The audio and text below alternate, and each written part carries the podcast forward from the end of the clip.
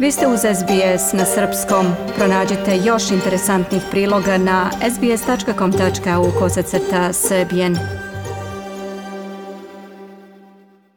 Slušate SBS radio, program na srpskom jeziku. Još samo tri dana ostalo je do saveznih izbora i stranačke kampanje ušle su u završnu fazu. Ekonomska politika je bila dominantna tema u proteklim sedmicama, pa se i posljednja nedelja pred glasanje odvija u istom tonu. Koalicija je posle niza kritika opozicije o rastućim troškovima života i sve većem budžetskom deficitu danas objavila strategiju za smanjenje troškova državne kase. I savezne vlade kažu da su tokom kampanje izneli čak 35 različitih politika za obračun i smanjenje troškova, a da se danas još dve predaju na analizu u državni trezor. Ključna strategija vladajuće koalicije bit će rezanje troškova u javnom sektoru.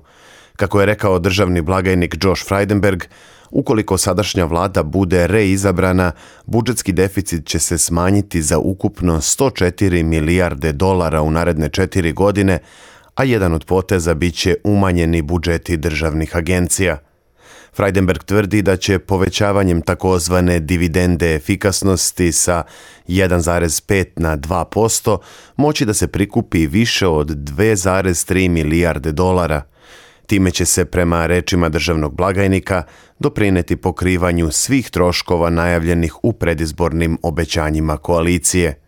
Freidenberg je izneo podatak da godišnji račun svih ministarstava Commonwealtha i njihovih agencija iznosi oko 327 milijardi dolara, te da će uvođenjem novih mera za javni sektor troškovi biti smanjeni na oko 324 milijarde dolara. Najavljujući stezanje kajša za državne službe, Freidenberg je odgovorio i na optužbe laburista. On je nazvao lidera opozicije Anthony Albanezea slabim, ističući da nikada nije predstavljao budžet australijskoj javnosti. He and the Labor Party have not put forward one Albaneze i laburisti tokom kampanje nisu objavili ni jednu politiku za nezavisno obračunavanje troškova od strane Trezora i Ministarstva financija. Suprotno njih koalicija iznela 35 takvih politika, kazao je Freidenberg.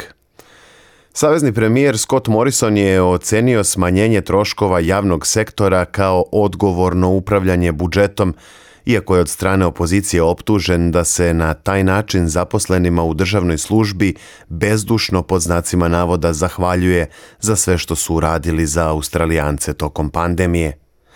Istovremeno, savezna opozicija je najavila da će njen plan troškova za data predizborna obećanja biti objavljen u četvrtak.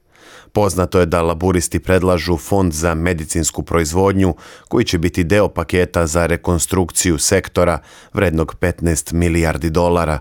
Time će se obezbediti podrška lancima snabdevanja za medicinske potrebe, uključujući tu i vakcine.